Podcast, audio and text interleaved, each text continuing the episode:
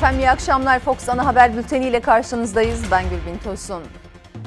Sosyal medya düzenlemelerini içeren kanun teklifi büyük aceleyle 13 saatlik maratonun ardından sabaha karşı meclisten geçti. CHP yasanın iptali için Anayasa Mahkemesi'ne başvuracak. Kılıçdaroğlu'nun dostlarımızla birlikte iktidar olacağız sözleriyle başlayan kim bu dostlar tartışması sürüyor. Ekonomi ise yine iktidarla muhalefeti karşı karşıya getiren başlıklardan.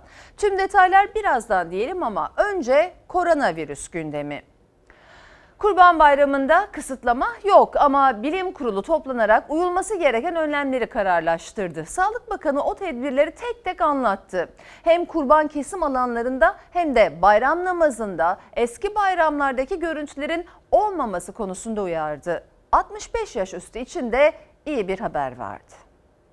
El öpme, kucaklaşma, el sıkışma geleneğimizi gelecek bayramlara erteleyelim. Kısıtlama yok ama önlem çok. Bilim Kurulu toplantısı sonrası Sağlık Bakanı açıkladı. Kurban Bayramı'nda koronavirüsten korunmak için alınması gereken önlemleri tek tek madde madde sıraladı Fahrettin Koca. Koca ikinci dalga uyarısı da yaptı. Dünyada önümüzdeki dönemde özellikle ikinci dalga beklentisinin olduğunu hepimiz görüyoruz. Özellikle de influenza'nın devreye girmesiyle hem koronayla e, karıştırılması hem de üst üste gelmesiyle farklı daha etkili e, ve de e, yoğun bakım hastane yükü ve vefat edenlerin oranlarının artışıyla sonuçlanabilecek bir beklenti içinde dünyanın olduğunu biliyoruz. Eylül uyarısı bayram tedbirleriyle geldi. Sonbaharda beklenen ikinci dalgaya en az vaka sayısıyla girmek amaçlanıyor. Hala bin sınırındayız. 28 Temmuz tablosuna göre tespit edilen yeni vaka sayısı 963, 15 kişi de hayatını kaybetti. Vaka sayısı ne kadar yüksek olursa Eylül'de rakam o kadar çok katlanacak. Kayıplar artabilir diye uyardı Sağlık Bakanı kalabalıkların oluşmamasını ısrarla vurgularken Ayasofya'daki ilk namaz da hatırlatıldı bakana. Bu sevinci yaşarken bu sevincimizi yaşadığımız ortamda disiplinize ederek yaşıyor olmalıydık. Yer yer uyanlar oldu. Bu anlamda uymayan görüntüleri de görmüş olduk. Geçmişteki bu örneklerden gelecek için uyarılarda bulundu bakan. Öncelikli önlemler Kurban Bayramı için hayvan satış alanlarında olabildiğince kısa kalınmalıdır. Müşteriler ve satıcılar arasında el sıkışma usulüyle pazarlık yapılmamalıdır. 65 yaş üstünün kurban kesim alanlarına gitmemesi öneriler arasında. Kesim alanlarında kısa süre bulunulmalı. Bir diğer uyarı bayram namazı ve günlerden cuma olduğu için cuma namazına yönelik. Abdest evde alınmalıdır. Bayram ve cuma namazına herkes kendi seccadesiyle gitmelidir. Saflarda yan yana gelen her iki kişi aralarında mutlaka boşluk bırakmalıdır. Bayram ziyaretleri telefonda gerçekleşsin dedi Sağlık Bakanı. Yüz yüze ziyaretler olursa az sayıda kişi bir araya gelmeli ve ziyaret kısa sürmeli, el öpülmemeli. Bakan Koca maske, hijyen ve sosyal mesafe tedbirlerinin hem bayramın her aşamasında hem de bayramdan sonra sıkı şekilde devam etmesi gerektiğini vurguladı. Çünkü daha virüsün etkisi devam ediyor ve aşının ne zaman bulunacağı belli değil. Koca aşıyla ilgili öngörüsünü de paylaştı. Ocak, Şubat, Mart gibi yılın ilk çeyreğinde e, aşının e, geliştirilmesi e, mümkün olabilir gibi görünüyor. 65 yaş üstü merakla sokağa çıkma kısıtlamasının ne zaman biteceğini bekliyor. Saat 20'den sonra sokakta olmaları yasak. Bakan Koca biraz daha sabır dedi, bayram sonrasına randevu verdi. Bayram sonrası inşallah gereken yapılıyor olacak. Tedbirler bu kadar hassas ve planlıyken bir vurdum duymazlık örneği Rize'den geldi. Rize'nin Çayeli ilçesinde Köpük Partisi'nde ne maske vardı ne de mesafe. Köpüklerin arasında dans edip horon teptiler. Dünyayı saran Covid-19 salgınında yeni vaka sayıları endişe verici şekilde tırmanmaya devam etti. Müslüman dünyasının gözü ise Suudi Arabistan'da. Virüsten en fazla etkilenen ilk 15 ülke arasında yer alan ülkede hac ibadeti çok sıkı önlemler altında başladı. İlk tavaf bugün yapıldı. Suudi Arabistan yönetimi salgının yayılmasını önlemek için bu yıl hacda yalnızca ülkede yaşayan sınırlı sayıda Müslümana izin verdi.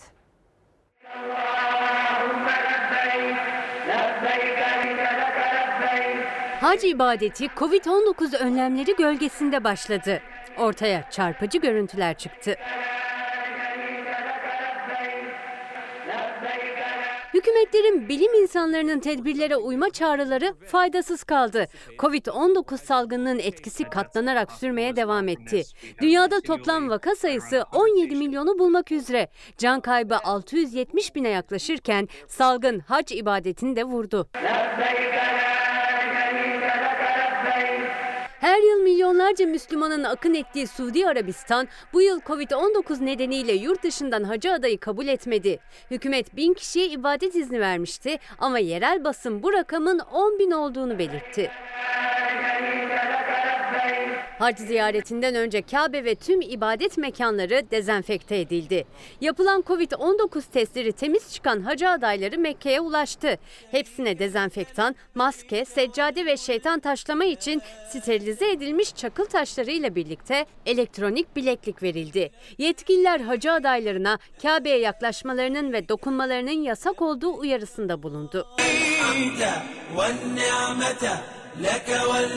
İlk tavaf bugün yapılırken hacı adayları çizgilerle belirlenmiş hatlar üzerinde sosyal mesafe kuralına uygun şekilde yürüdü. 270 binden fazla Covid-19 vakasının görüldüğü Suudi Arabistan, dünyada salgından en çok etkilenen ilk 15 ülke arasında. Son 24 saatte 1759 yeni vaka tespit edilirken 27 kişi hayatını kaybetti. Toplam can kaybı 2816'ya yükseldi. Vaka sayısı 5 milyona ilerleyen Amerika Birleşik Devletleri hem can kaybı hem de vaka sayısı bakımından listenin zirvesinde. Covid-19'lu hastaların ciddi oranda arttığı 21 eyalet kırmızı bölge ilan edildi. Washington yetkililerden önlemleri arttırmalarını istedi. Salgının başlangıç ülkesi Çin'de uzun süre sonra ilk kez yüzün üzerinde vaka tespit edildi. Virüsün bulaştığı 101 kişiden 89'unun Sincan Uygur özerk bölgesinde olduğu açıklandı. Ülkede son 24 saatte can kaybı yaşanmadı. Avrupa'da ise ikinci dalga korkusu büyüdü. İspanya, Belçika ve Almanya'daki hızlı artışlar endişe verici boyuta ulaştı. Sınır kontrolleri ve 14 günlük karantina uygulamaları yeniden gündeme geldi. Kıtada en fazla can kaybının yaşandığı ülkelerden olan İtalya'da o hal 15 Ekim'e kadar uzatıldı. Bugüne kadar 35 binden fazla kişinin öldüğü ülkede günlük vaka sayısı 212 olarak açıklandı. Okullar 31 Ağustos'ta eğitime başlıyor. Ancak yüz yüze eğitime mi geçilecek yoksa uzaktan eğitim devam mı edecek sorusu henüz yanıt bulmadı. Uzmanlarsa okulların açılış günü olarak belirlenen tarihlerin günlük vaka sayıları düşmediği için riskli olduğunu söylüyor. Okulların açılma takvimini Milli Eğitim Bakanımız açıkladılar 31 Ağustos. Uzaktan eğitim tarzında mı, hibrit eğitim tarzında mı veya karma eğitim tarzında mı olacağı çalışıyorlar. Eğitim başlayacak ama yüz yüze mi yoksa uzaktan mı o net değil. Sağlık Bakanı açıklamadı ama alınan bilgilere göre hükümetin okullarla ilgili bir A planı var. 31 Ağustos'ta okulların açılması için belli bir vaka sınırı belirlendi. Okullar eğer günlük vaka sayısı 900'ün altında olursa açılacak. İller bazında bir farklılık söz konusu ise o illere özel bu dediğim yöntemlerden farklı yaklaşımlarda devreye girebilir. O farklı yaklaşımlar arasında belli günlerde okula gitme, belli dersler için okula gitme ya da tamamen uzaktan eğitim seçenekleri var. Bilim Kurulu ve Milli Eğitim Bakanlığı irtibat halinde. Vaka sayıları da değerlendirilerek o kararın iki hafta içinde verilmesi planlanıyor. 15 Ağustos'ta özel okulların açılmasının bu aşamada kesinlikle doğru olmadığını söylüyorum. Halk sağlığı uzmanı Profesör Doktor Kayıhan Pala da günlük vaka sayısına dikkat çekti. Yüz yüze telafi eğitimi için özel okullarda 15 Ağustos'ta, devlet okullarında ise 31 Ağustos'ta çalacak ders zilinin çok erken olduğu konusunda uyardı. Pala'ya göre okulların açılması durumunda vaka sayısı yeniden artışa geçecek. Olgu sayılarında ciddi bir azalma olmaksızın bir de bunun üstüne okulları açacak olursak o çocuklar bu hastalığı hem kendileri geçirme hem de bir başkasına taşıma, yayma açısından risk oluşturacaklardır. Türkiye salgını kontrol altına aldıktan sonra 1 Haziran'dan itibaren normalleşme adımlarını attı. Ancak hala günlük vaka sayıları bin civarında seyrediyor. Okullarsa yüz yüze eğitime başlamak için gün sayıyor. Ancak uzmanlara göre okulların açılması erken ve riskli bir adım. E şimdi siz okulları açtığınız andan itibaren özellikle çocukların büyük bir bölümünde bizim asemptomatik dediğimiz bulgu göstermeksizin bu hastalığı geçirenler okullara gidebileceği için büyük bir bulaşı zincirinde sıkıntılar yaşanması söz konusudur. Profesör Doktor Kayıhan Pala salgını tamamen kontrol altına aldıktan sonra okulların açıldığı İsrail'i örnek gösterdi. Okulun açılmasının hemen ardından 10 gün içerisinde yeni bir salgının patlak verdiğini gösteriyor ki İsrail birinci dalgayı tamamen sönümlendirdikten sonra okulları açmıştı. Fakat okulların açılmasıyla birlikte başka toplumsal hareketlilikler de devreye girerek şu anda İsrail ikinci dalgayı birinci dalgadan daha fazla olgu sayısıyla yaşıyor. Yazın bitmesine bir ay kaldı. Önümüz sonbahar. Havaların soğumasıyla birlikte mevsimsel grip gibi bazı hastalıklar baş göstermeye başlayacak. Özellikle bağışıklığın da düşmesiyle koronavirüs kaynaklı günlük vaka sayılarında artış yaşanması kuvvetle muhtemel. Tabii bir de okulların açılmasıyla birlikte artan temasla virüsün yayılma hızının da artacağını düşünürsek Türkiye'nin koronavirüs tablosu gün geçtikçe kötüye gidebilir. Bu da entübe, yoğun bakım ve hayatını kaybeden hasta sayısında artış anlamına geliyor. Koşullarda her şeyden önce salgının kontrol altına alındığından emin olmakta büyük yarar var. Toplumun tamamının mevsimsel gribe karşı aşılanmasını da gerçekleştirdikten ve salgını kontrol altına aldıktan sonra bir okul açılma programını tartışmalıyız. Sayın seyirciler meclis tatile girmeden bir gün önce büyük aceleyle sabaha kadar süren 13 saatlik oturumla sosyal medya düzenlemesi meclisten geçti. Muhalefetin itirazları ve iktidarın ısrarıyla genel kurulda söz düellosuyla yasalaştı sosyal medya düzenlemesi. Türkiye'yi sosyal medya özgürlüğünde küme düşen dördüncü ülke yapacaksınız. Kimden sonra? Kuzey Kore'den, Çin'den ve İran'dan sonra. İktidar her adımda şeytanın rehberliğinde ilerliyor. Sonbaharda kontrolü iyice kaybedecek. Meclis kapanmadan iktidar interneti kendi kontrolü altına almak istiyor. Anlaşılan o ki padişah sosyal medyaya da göz dikti. Susmayın iktidarın sansürcü anlayışına, yasakçı, engelleyici anlayışına karşı toplumsal ve siyasal muhalefeti durdurmayın. Her şeyi kapatsanız bak yemin ediyorum dumanla haberleşip sizi yine yıkacak. Çok tartışılan sosyal medya düzenlemesi muhalefetin itirazları Cumhur İttifakı'nın oylarıyla bir gecede meclisten geçti. Muhalefet sansür, fişleme ve intikam yasası dedi. Z kuşağı vurgusu yaptı. Oy moy yok diyen o gençler var ya o gençlere duyulan kinin tezahürüdür aslında. Gençlerin sözünü size daima hatırlatacağız. Gençler geliyor, AKP'ye gidiyor. Güle güle. Dislike dediler. O dislike'tan belki bugün kurtulursunuz ama onların seçimde size kesecekleri cezadan kurtulamazsınız. Z kuşağıyla ilgili bir düzenleme yok ki. Niye Z kuşağının stresine saklanma gereği duyuyorsunuz? Korkunun ecele faydası yok. Ne olacak? Ekşi sözlüğü mü kapatacaksınız, ak sözlük mü kuracaksınız? Twitter'ı yasaklayıp sarayın Twitter'ını mı kuracaksınız? Bu düzenleme gençlere savaş açmaktır. Bir intikam yasasıdır. İntikam duygusuyla hazırlanan hiçbir yasanın bu ülkeye hiçbir faydası olmaz. Bu kanun sonunda herkesin işine yarayacak bir kanun. Yarın öbür gün milletvekili olmadığımda da faydalanayım diye birey olarak çıkartıyoruz. Tansiyonu yüksek oturumda en çok tartışılansa yasanın talep halinde kişiyle ilgili bilgilerin silinmesini içeren unutulma hakkını getirmesiydi. Bu yasayla kendi yarattıkları kişili arşivi silmeyi planlıyorlar. İnternete giriyorsunuz bir bakıyorsunuz ne makara kalmış ne bakara. Ne sıfırlama var ne beş müteahhit var. Hepsi gitmiş. Sahte ve montaj olan bütün kayıtlar, kasetler meclis kürsülerinde okundu. Bunları hak ve meşru vereceğiz ama insanların kişilik ihlallerine hayır bunlar normal diyeceğiz. Bu normal değil. Şimdinin alçak sümüklü FETÖ'sü var ya ona güzellemeleri sileceksiniz. Desteklediklerinizi kaldıracaksınız. Büyük Orta Doğu projesini unutturabilir misiniz? Google'dan giriyorum. Büyük Orta Doğu projesi diyorum. Bu ülkenin Cumhurbaşkanı çıkıyor. Yaptıklarınızı görecek iki göz, karşınızda duracak iki yürek, sizinle mücadele edecek iki bilek kalsak bu mücadeleyi sonuna kadar vereceğiz ve gideceksiniz. Sosyal ağ sağlayıcılarına temsilci atama zorunluluğu geldi yasayla. Temsilci atamayanlara para cezası, reklam yasağı ve %90'a kadar internet hızını düşürme yaptırımları öngörülüyor. Muhalefet ekonomiye etkisi büyük olur dedi. Ekonomiye de acayip bir kötülük yapıyorsunuz. Şunu düşünün. Herkes nerede tatil yapayım diye bakıyor. Yunanistan'a mı gideyim, Türkiye'ye mi gideyim diye düşünen bir gencin Türkiye'de Instagram'ın engelli olduğunu, Twitter'a yüzde 95 bant daraltılması uygulandığını bildiğinde tatil tercihini siz düşünün.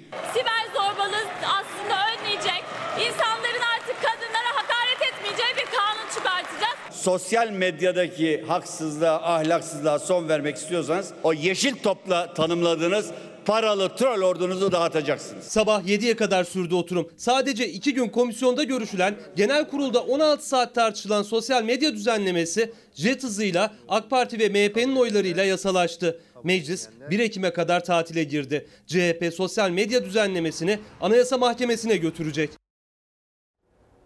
Mecliste genel kurul görüşmelerinin son saatlerinde AK Parti ile HDP sıraları elektriklendi. Terörle mücadele başlığı üzerinden başlayan tartışmada AK Partili Oya Eronat'ın HDP'li vekile kullandığı sert sözler gerilimi artırdı. HDP'liler Oya Eronat'a iç tüzük maddesine dayanarak kınama cezası istedi. Ancak AK Parti ve MHP'nin oylarıyla ceza verilmedi.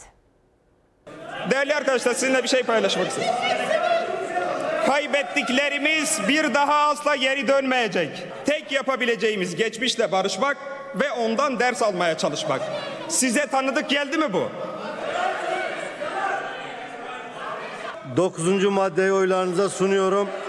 Kabul edenler, kabul etmeyenler Sosyal medya düzenlemesinin görüşüldüğü Meclis Genel Kurulu'nda sabaha karşı AK Parti HDP hattında sinirler gerildi. HDP'li vekilin bölgedeki orman yangınlarıyla terörle mücadele arasında paralellik kuran sözlerine AK Parti sıralarından yükselen sert tepkiler üzerine hava elektriklendi. Muğla'da, İzmir'de, İstanbul'da ormanlar yandığında ciğerlerimiz yanıyor diye feveran yapanlar Bir terör saldırısı sırasında oğlunu kaybeden AK Parti Diyarbakır Milletvekili Oya Eronat'ın oturduğu yerden sarf ettiği ağır sözler tansiyonu yükseltti. Mecliste hakaret tartışması başlattı.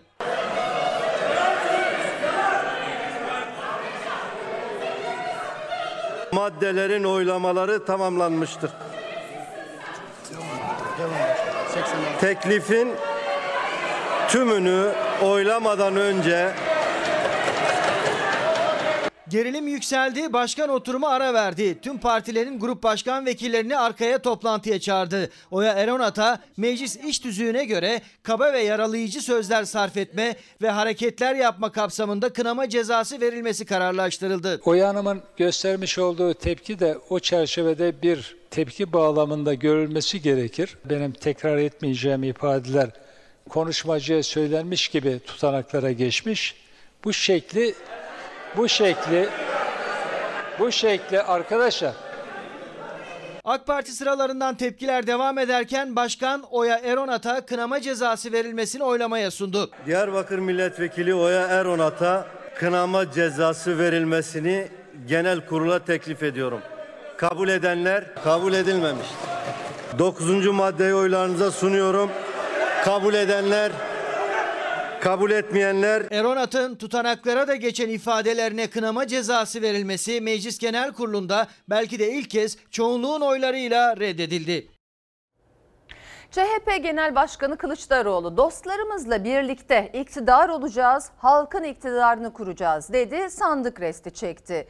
MHP'den Dostlar İttifakı'na yeni bir vesayet özlemi diyerek jet hızıyla yanıt geldi ama iktidar cephesi sessiz. CHP'li Engin Özkoç dostlardan hangi kesimlerin ve partilerin kastedildiğinin çerçevesini biraz daha belirginleştirdi.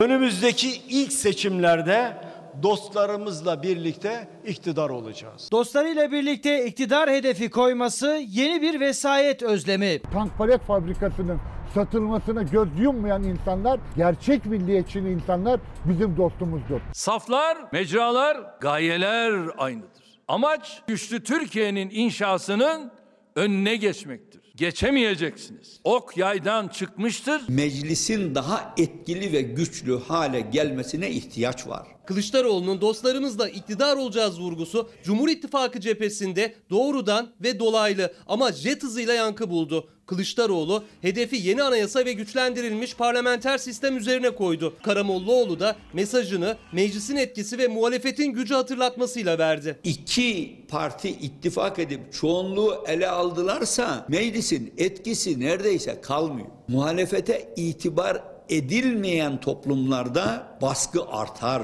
İyi Parti, Saadet Partisi bizim dostumuzdur. 13 maddeyi kucaklayan her siyasi parti bizim dostumuzdur. Deva Partisi, Gelecek Partisi, Bizim HDP dostumuzdur. bu 13 maddede birlikte yürüyorlarsa bizimle Evet. o da bizim dostumuzdur. Tavsiyemiz dostlarına fazla güvenmemesidir. Çünkü güvendiği karanlık dostları yeri geldiğinde samanı postuna dolduracaktır. Dostlarımızla deyince o cenahta bir titreme meydana geldi. Mükemmel olduğumuzu, her şeyin en doğrusunu bildiğimizi, en idealini yaptığımızı iddia etmedik etmiyoruz. Sayın Cumhurbaşkanı bunun farkına varmış gibi gözüküyor.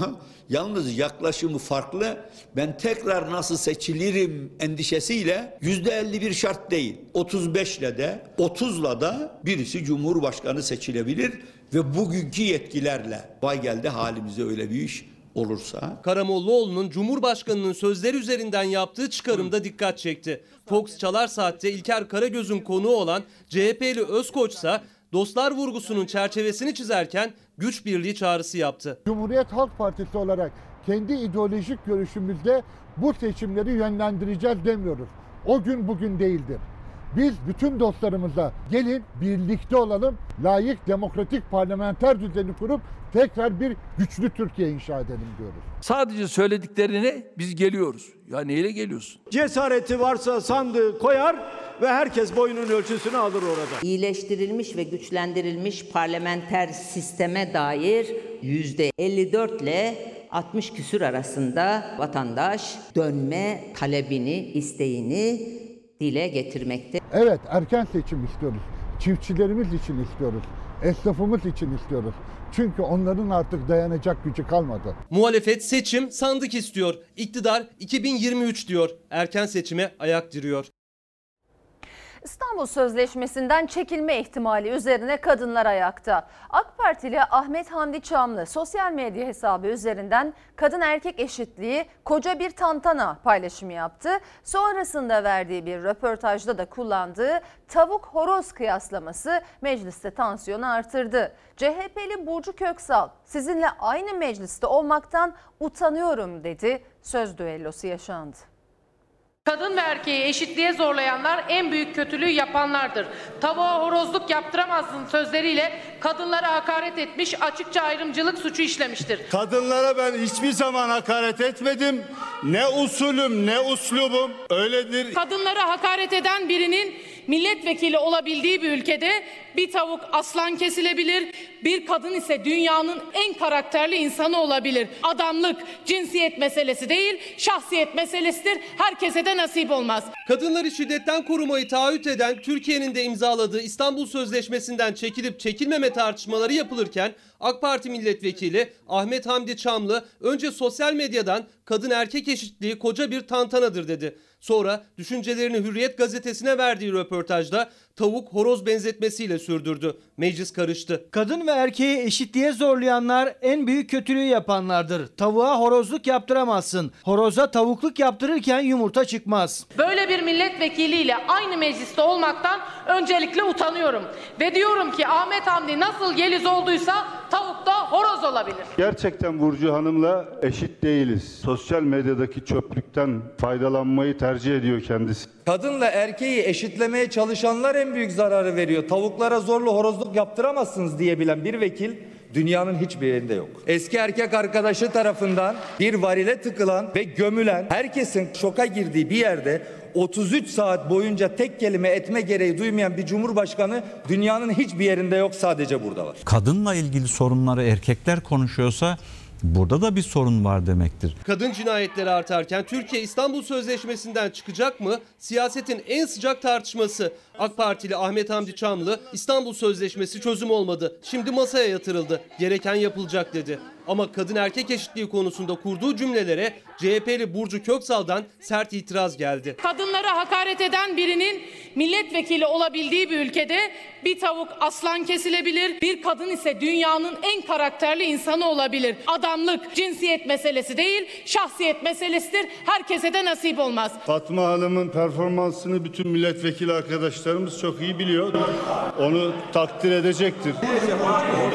Burcu Hanım, Burcu Hanım özür diliyorum. Burcu Hanım önemli değil. Gerçekten beni anlamamış. Bu akşam çok önemli bir çalışma yapıyoruz Fatma Hanım.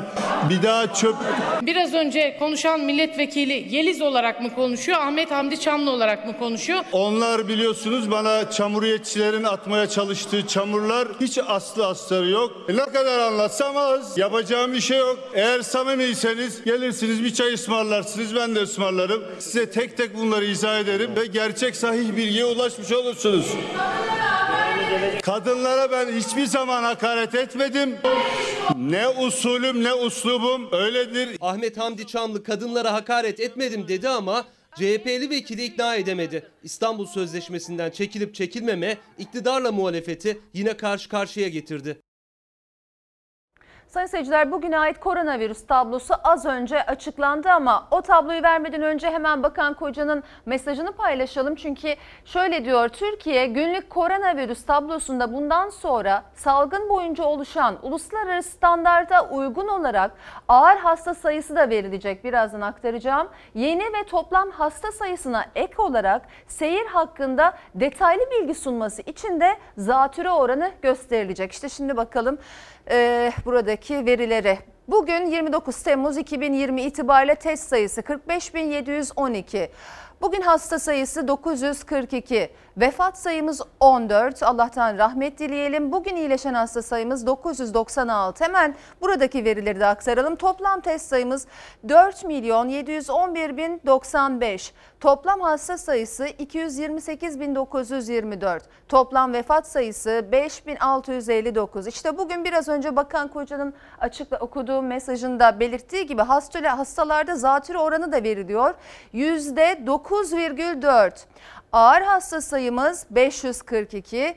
Toplam iyileşen hasta sayımız 212.557. Çok kısa bir karşılaştırma düne göre. Dünkü hasta sayısına göre bir düşüşümüz var. Vefat sayımızda e, bir e, azalma var. İyileşen hasta sayımıza baktığımızda dün 1092'ymiş. Bugün 996 olarak gerçekleşiyor efendim ve devam ediyoruz. Bültendeki diğer e, haber başlıklarıyla. Sayın seyirciler iktidarın çizdiği ekonomi tablosuyla muhalefetin dile getirdiği arasında uçurum var. Muhalefete göre ekonomi yüzünden son 20 yılda en az kurban kesilecek bayrama giriyoruz. İktidara göre ise Türkiye yatırımcılar için cazibe merkezi. Türkiye yanıp tutuşuyor. Ekonomik yönden dolar almış başını gidiyor. Euro almış başını gidiyor. İnsanlarımız fakr zaruret altında eziliyorlar. Bayram gelmiş neyime derler ya. Babaların elleri boş. Anneler bayram sofrası kurmak istiyor ama mutfaklar boş. Muhalefet bayram arifesinde döviz ve altındaki tırmanışa dikkat çekip işsizlikten, yoksulluktan, kapanan iş yerlerinden dem vurdu. Ekonominin dümenindeki isim Berat Albayraksa iş yeri açmak isteyenler için Türkiye'nin bir cazibe merkezi haline geldiğini rakamlarla duyurdu. 2017'de iş yapma kolaylığı endeksinde Türkiye 190 ülke arasında 60. sıradayken bugün 33. sırada. Türkiye yatırımcılar için cazibe merkezi olmaya devam edecek. Bayram ayın birine geliyor diye maaş vermek isteyen işveren işçisinin parasını ödemek için müracaat ettiğinde bankaların tamamı ama tamamı bayram öncesi biz kredi kullandıramıyoruz diye bir e, cevapla karşılaşıyorlar. Ülkemizde bir girişimcinin iş yeri açma süresi pek çok gelişmiş ülkeye göre önemli bir mesafe kat etti. Yerli iş insanları ülkeyi terk ediyor. Dış yatırımcılar ülkeden kaçıyorlar. Onların derdi milleti susturmak. Onların derdi kendilerini güvenceye alacak yasaları çıkartmak. İş yeri açma kolaylığında gelişmiş ülkeleri geride bırakmaktan söz etti Berat Albayrak. Muhalefetse ekonominin kötü yönetildiğinden, devletin kasasında vatandaşın cebinde para kalmadığından. Hazine tam takır. Bir gram paramız kalmadı kendi dövizimiz. Aldığımız borçlar bile ödememiz icap eden borcu karşılayamıyor. 17 milyon insana yardım edildiği söyleniyor. 17 milyon insan muhtaç diye düşünerek üzülmemiz icap eder. Et yiyebilenlere zengin gözüyle bakılıyor bu ülkede. Kurbanlık fiyatları 800 lirayla 3500 arası küçük baş hayvan, 5000 lirayla 30 bin lira arası büyük baş hayvan. Kesmek mümkün değil. Asgari ücretlinin durumu memur ve emekli maaşlarıyla bu bayram altıncısı verilen emekli ikramiyeleri iktidarla muhalefeti bir kez daha karşı karşıya getirdi. Ey gidi günleri. Memurunun maaşını ödeyemeyen kişiler vardı biliyorsunuz. Bunlar şimdi muhalefette. 2017 yılında emeklilere verdiği o ikramiye ile 4,5 çeyrek altın alıyordu emekli. Bu sene 1,5 çeyrek altın alabiliyor. Fiilen işsiz sayısı en az 8-9 hatta 12-13 milyon belki. Asgari ücret açlık sınırının altında kalmışsa iktidar ekonominin bu gidişatını engelleyemediği, değiştiremediği için suni gündemlerin peşinde. Ekonomi üzerinden yaşanan sıcak polemik siyaset kulislerinde dolaşan erken seçim tartışmalarını da alevlendirmiş görünüyor. Türkiye 2023'ü görmeden bir seçime gidecek diye buradan bir kez daha tekrarlıyorum. Cuma günü Kurban Bayramı ziyaretler daha az yapılacak olsa da yine de bayram alışverişi geleneğini sürdürenler vardı ama fiyatları görünce evlerine mutsuz döndüler. Ay çok pahalı yavrum. Bu bayramı ha görüyorsun. Bomboş. Tezgahda bak kaç kişi, bir kişi yok. Fiyatlar uçmuş. Yani e, alışveriş yapan pek yok. Çok aşırı kalabalık olurdu, alışveriş yapardı insanlar. Malum bu bayram e, pek gelen giden olmayacak, biz de gitmeyeceğiz. O yüzden mümkün olduğunca kendi kahvaltılığımızı alıyoruz. Her bayram öncesi yaşanan o alışveriş telaşı da heyecanı da yoktu bu kez çarşıda. Bayramlık şeker, çikolata alışverişi için dolup taşan Eminönü en sakin günlerini yaşıyor. Kurban Bayramı öncesi bayram alışverişi yapmak isteyenler Eminönü'nün yolunu tuttu. Tarihi çarşıda insan yoğunluğu da alışverişte yoktu. Esnaf müşteri azlığından alışverişe gelenlerse pahalı fiyatlardan dert yandı. Mal var müşteri yok. Millete pahalı geliyor. Alamıyor ki milleti. Gücü yetmiyor kalsın. Yok yani millet artık kurbana mı gitti? Köyüne mi gitti? Yazlığına mı gitti? Kimse yok. Çarşı bomboş. Müşteri yok. Millette para olmadığı için bir kilo bir kilo alan yarım kilo düştü. 250 gram düştü. Şu anda 250 değil 100 gramı düştü. Vallahi ateş Her şey pahalısı. pahalı. Paraya göre alışveriş yaptık, bitirdik. İstediğimi bile alamıyorum. Bak bayram alışverişi, çikolat, e, fındık, fıstık bile alamadım. Ya ne yapalım? Sağlık olsun. Bu bayram sağlık olsun diye bayram ziyaretleri de yapılmayacak. Misafirsiz geçecek olsa da yine de gelenektir deyip az da olsa alışveriş yapanlar var. Şu anda herkesin alabileceği makul fiyatlar lokum. Herkes, herkes bütçesine uygun. 10 liradan çifte kalmış kahve yanında ikramlık. Şeker yerine de vatandaş tercih ediyor fiyatından dolayı. Geçen sene oranla da fiyatlarımızda 10 TL'lik bir artış oldu. E, Fıstıklı baklavamızın kilosu 70 TL, cevizli baklavamızın kilosu 54 TL. Geçen sene tepsi tepsi satışlarımız oluyordu. Bu sene yarım kilo, bir kilo şeklinde kutularda yapıyoruz. Fındık fısıksız sade bir baklava tatlı yapıp yiyeceğiz. Ceviz aldık, toruna yediriyoruz. Kendimiz de böyle bakıyoruz. Kahve almaya geldik sadece. Fiyatlar anormal pahalandı. Hiç, kesinlikle yani 4 kişilik bir ailenin kendileri için bile böyle lokumdu, pastaydı bunun gibi bir şey alabileceklerini düşünmüyorum. Yani çok pahalı çünkü. Bu koronavirüs gölgesinde geçirilecek ikinci bayram. Esnafın da beklentisi yasaksız geçecek bu bayramda işlerin açılmasıydı. Ancak onların da umdukları gibi olmadı. Çünkü bütçe kısıtlı, fiyatlar yüksek. Merkez Bankası Başkanı yıl sonu enflasyon tahminini 1,5 puan artırıp 8,9'a çıkardı. Ama tüketiciye göre çok daha yüksek. Fiyatlara bakıyorum, ortada geziyorum. Daha önceden de biliyorum. Yani sürekli çarşı pazar gezdiğim için. Ama her şeyde %10, 15 arttı. Türkiye Cumhuriyeti'nde ne enflasyon onların açıkladıkları gibi ne başka. Yani mandalımı hesaplıyorlar artık. Yani hiç fiyatı artmayan bir şeyi mi? Pazarda gittikleri pazarı bize de söylesinler de biz de gidelim o pazara yani. Emekli memurum ben. Yüzde beş zam yapıldı. Enflasyon yüzde on dedi. Piyasaya bakın yüzde ellinin üstünde her şey. Sayın seyirciler altın rekor üzerine rekor kırıyor. Gram altın 430 lirayı, çeyrek altında 700 lirayı geçti. Peki bu yükseliş alım gücünü nasıl etkiliyor? İşte asgari ücret üzerinden hesabı. 10 yıl önce 6 çeyrek altın alan asgari ücretli bugün maaşıyla 3 çeyrek altın alabiliyor. Çeyrek altının ne kadar olduğunu biliyoruz mu ablacığım? Biz asgari ücrette geçinen insanlarız. Yani 700'ü geçti herhalde. 700'ü geçti. 700'ü geçti. Vallahi olan düşünsün. Bizde zaten yok, zaten yok. Maaşıyla gıda harcamasını zor karşılayan asgari ücretli nasılsa alamayız diyerek altının kırdığı rekorla ilgilenmedi ama o yükseliş aslında asgari ücretlinin alım gücünün de ne kadar düştüğünün bir göstergesi. 2010 yılında çeyrek altın 90 lira, gram altında 57 lira civarındaydı. 2010 yılında net 599 lira alan bir asgari ücretli 6 çeyrek altında 1 gram altın alabiliyordu. 2015 yılında ise çeyrek altın 160 lira civarındaydı ve net 1000 lira alan asgari ücretli 6 çeyrek altın alabiliyordu. 2020 yılında ise çeyrek altın 700 lira civarında seyrediyor ve net 2324 lira alan asgari ücretli 3 çeyrek altın alabiliyor. Ya şu an hiç alamıyoruz işte bu fiyatlarla. İki tane çocuk bakıyoruz. Ne bezlerine e, para yetirebiliyoruz ne mamalarına. 590 liraya o 2010 yılında 6 çeyrek alınıyor. Şimdi kaç tane alınıyor? 3 çeyrek.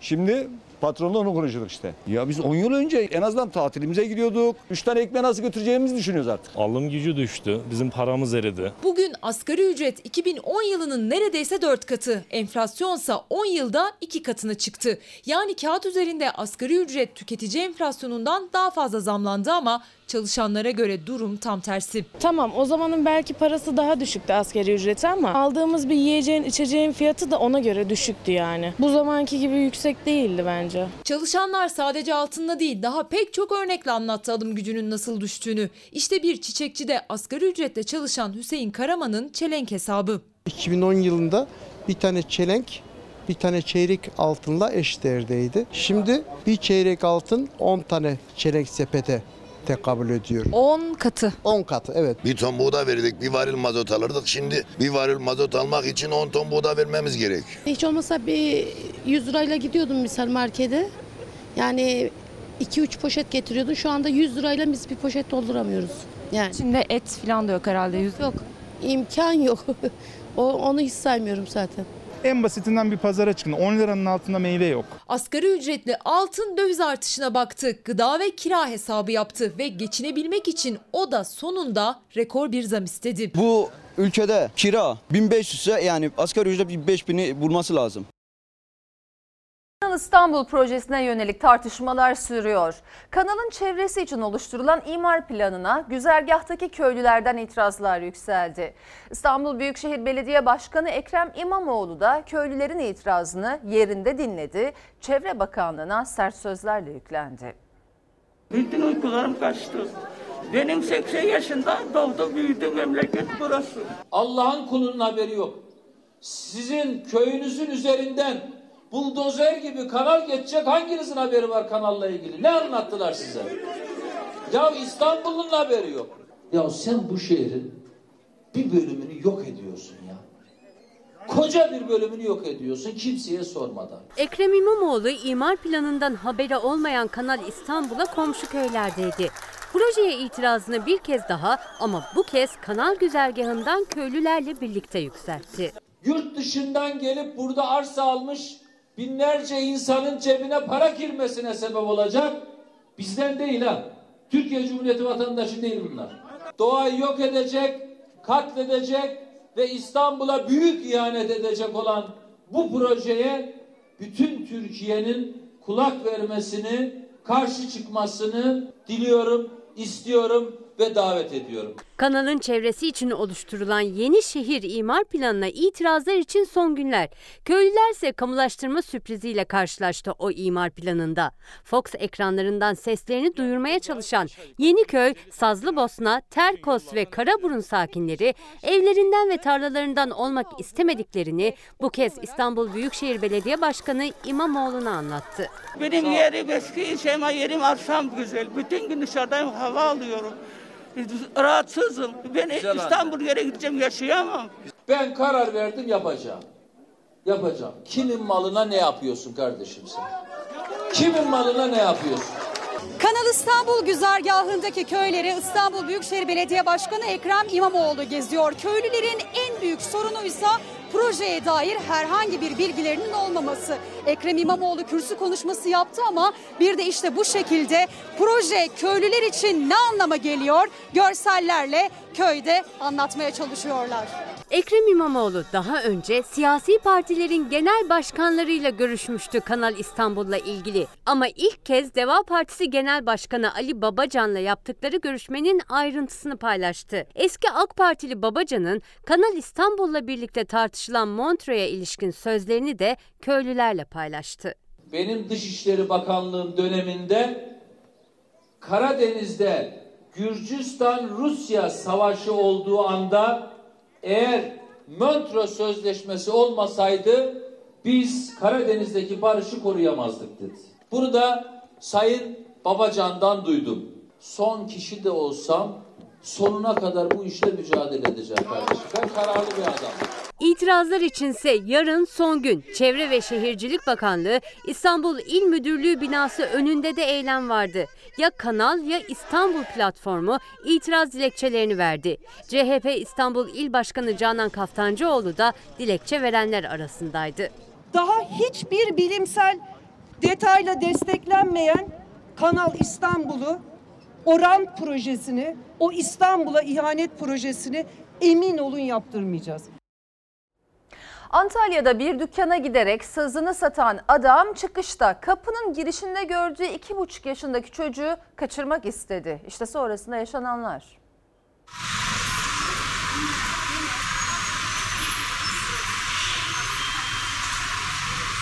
Aradan 10 dakika geçtikten sonra kapıda duran çocuğumu alarak koşmaya başladı sağa doğru. Saz satmaya geldiği dükkandan çıkarken iş yeri sahibinin oğlunu kucaklayıp iddiaya göre kaçırmaya çalıştı. Dükkan sahibinin eşi son anda yetişti. Gözaltına alınan şüpheli çocuğu sevmek istedim, şaka maksatlı havaya kaldırdım dedi ama nöbetçi hakimlik tutuklanmasına karar verdi. Ağlayan çocuğu susturmak için, e, annesine götürmek için kucağıma aldım. Uçak yapmak istedim. Hop hop tarzında oynatmak istedim tarzında bir ifade kullanmış. Güvenlik kamerasına yansıyan çocuk kaçırma girişiminin adresi Antalya. M.I. isimli kişi pazartesi akşamı kent merkezindeki Serekler Çarşısı'na gitti. Yılmaz Dağ'a ait dükkana girip kendisine ait sazı sattı. Sonra da kapının önüne çıktı. Dükkan sahibinin iki buçuk yaşındaki erkek çocuğu iddiaya göre ağlıyordu. M.I. çocuğu kucağına alıp koşmaya başladı. Anne Sıla Dağ o sırada dışarıdaydı. Son anda şüpheliyi durdurup çocuğu M.I.'nın elinden geri aldı. Onun koşmasıyla ben beyefendiye e, tepki gösterdim. Ne hakla benim çocuğumu alıyorsun tarzında birkaç kelime sarf ettim. Sonrasında zaten fenalaşmışım çocuğu aldıktan sonra. Çocuk da mı sevmeyelim, şaka da yap, şaka şaka da mı yapmayalım tarzında bir cümle kullandı. M.I. çocuğu kaçırma niyetim yoktu dedi ama dağ çifti şüphelinin ayrılmasından sonra karakola giderek şikayette bulundu. Suç duyurusunda bulunduk. Tabii ki bir anne baba olarak çok üzgünüz bu yaşanan olaylardan dolayı. Sanık dün 22.40 civarlarında kendi polis karakolunu arayarak polisler tarafından alınmış. Sabaha kadar karakolda tutulup sabah nöbetçi savcıya sevk edilmiş. Şüpheli iddiaları reddetti. İfadesinde çocuk ağlıyordu. Ben de şaka maksatlı çocuğu alıp havaya kaldırdım. Süpermen ol seni uçurayım dedim diye konuştu. M.I. daha sonra kişiyi hürriyetten yoksun bırakma suçlamasıyla tutuklandı. İki buçuk yaşında konuşamayan, kendini ifade edemeyen bir bebeğin e, teline dokunuyor, kucağına alıyor ve koşma girişiminde bulunuyor. Bir anne olarak tabii ki korkuyorum ve 7,5 aylık hamileyim, riskli bir gebelik geçiriyorum. Orada karnımdaki çocuğa da bir şey olabilirdi. Baygınlık geçirdiğim sırada. Komşusunun öldürdüğü Nero'nun acısı henüz geçmemişken bir dehşette Erdek'te yaşandı. İbret olsun. Türkiye'ye emsal olması lazım. Bakın tasmalı köpektir bakın belgeli. Şahitlerin köpeğin gömülü olduğu yeri e, bildirmesi üzerine köpeği gömülü olduğu yerden çıkartmışlardır. Bu bir kumsaldır ve burada çocuklar oynuyordu.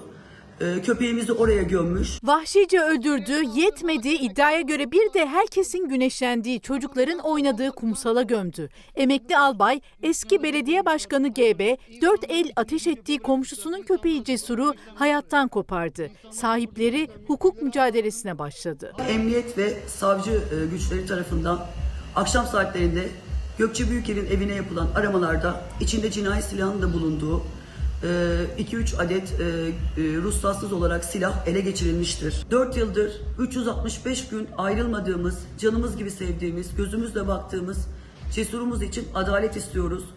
Katledilen canlara bir yenisi daha eklendi. Türkiye bu hafta komşusu tarafından öldürülen Nero'ya üzülürken bu kez Balıkesir Erdek'te 4 yaşındaki Cesur komşu kurşunuyla can verdi. Kendisi Erdek canisidir. Bak köpeğimi domuz kurşunuyla vurmuş bak. Bak hayvan delik deşik bakın. Bakın kendi kampına gömmüş. İnsanlar burada sahilde güneşleniyor bakın. Erdek'in Düzler mevkinde otel işleten Gürbüz ailesinin köpeğiydi Cesur. Çocuklarla ve diğer hayvanlarla çok iyi anlaşan Cesur sahilin maskotuydu. İddiaya göre Cesur Gürbüz ailesine komşu kamp alanı sahibi ve Erdek'in eski belediye başkanlarından olan GB tarafından vurularak kumsala gömüldü. GB önce inkar etti. Polisler olay yerine geldiğinde vurduğunu itiraf etti. Vurulduğu yeri gösterdi. Polisler e, çekim yaptılar. Fakat tanımadığı bir bekçiye daha attırdığını söyledi. Önce Cesur'u gömdüğü yer olarak boş bir yeri gösterdi, sonra dağlık alanı attırdığını öne sürdü. Ama görgü tanıklarının ifadesiyle kumsala gömüldüğü ortaya çıktı. Cesurumuz ve tüm katledilen canlılar için adaletin yerini bulmasını istiyoruz. Şimdi ara zamanı. Efendim Fox Ana Haber Bülteni'ni burada nokta alıyoruz. Fox'ta Sen Çal Kapımı'nın yeni bölümüyle devam edecek. İyi bir akşam geçirmenizi diliyoruz. Hoşçakalın. bir tek dostuma her köşesi